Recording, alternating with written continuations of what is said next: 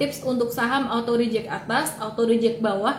Anda jangan masuk di hari kedua auto reject atas. Jangan masuk di hari kedua AR, ARA-nya. Jadi kita selalu masuknya di hari pertama atau malah beberapa hari sebelum hari pertama kalau memang udah ada tanda-tanda saham ini bakalan positif, bakalan bagus gitu. Nah, sekali lagi jangan masuk di hari kedua atau hari ke uh, apalagi hari ketiga gitu. Uh, IRRA, IRRA ini juga sama seperti KF dan juga INAF kemarin naik karena adanya euforia vaksin ya. Udah naik tiga hari berturut-turut dan udah ARA tiga hari berturut-turut.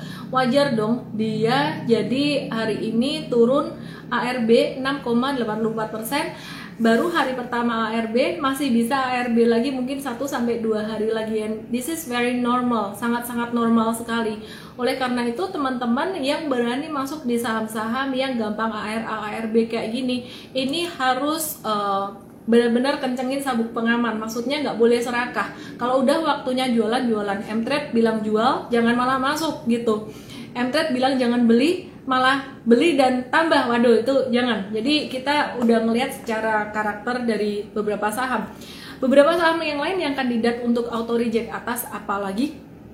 Hari ini ada saham APLN APLN yang saya mention beberapa hari kemarin ya. Uh, tim IM Trade juga udah beli untuk APLN ini. Kalau APLN buyback hari ini di 175 sampai 184 hari ini ya. Dan naik 16% pada perdagangan 10 Desember ini.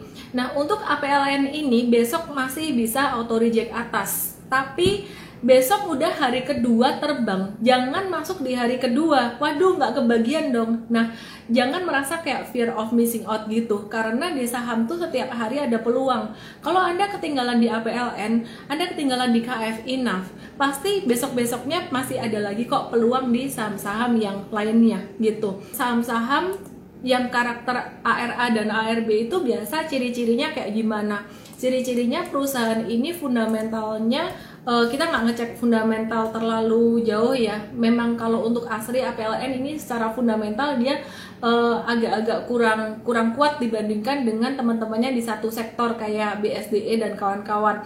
Dan ukuran sahamnya, ciri-cirinya biasanya ukuran sahamnya, ukuran perusahaan ini yang listing di bursa itu secara kapitalisasi nggak begitu besar untuk saham-saham yang gampang naik dan uh, gampang turun gini.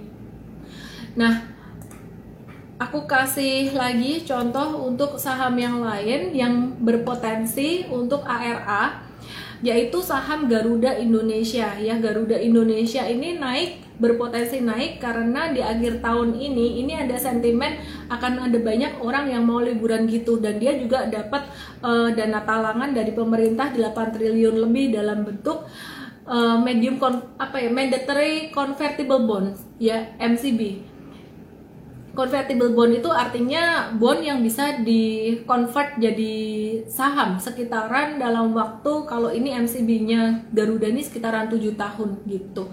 Oke. Okay.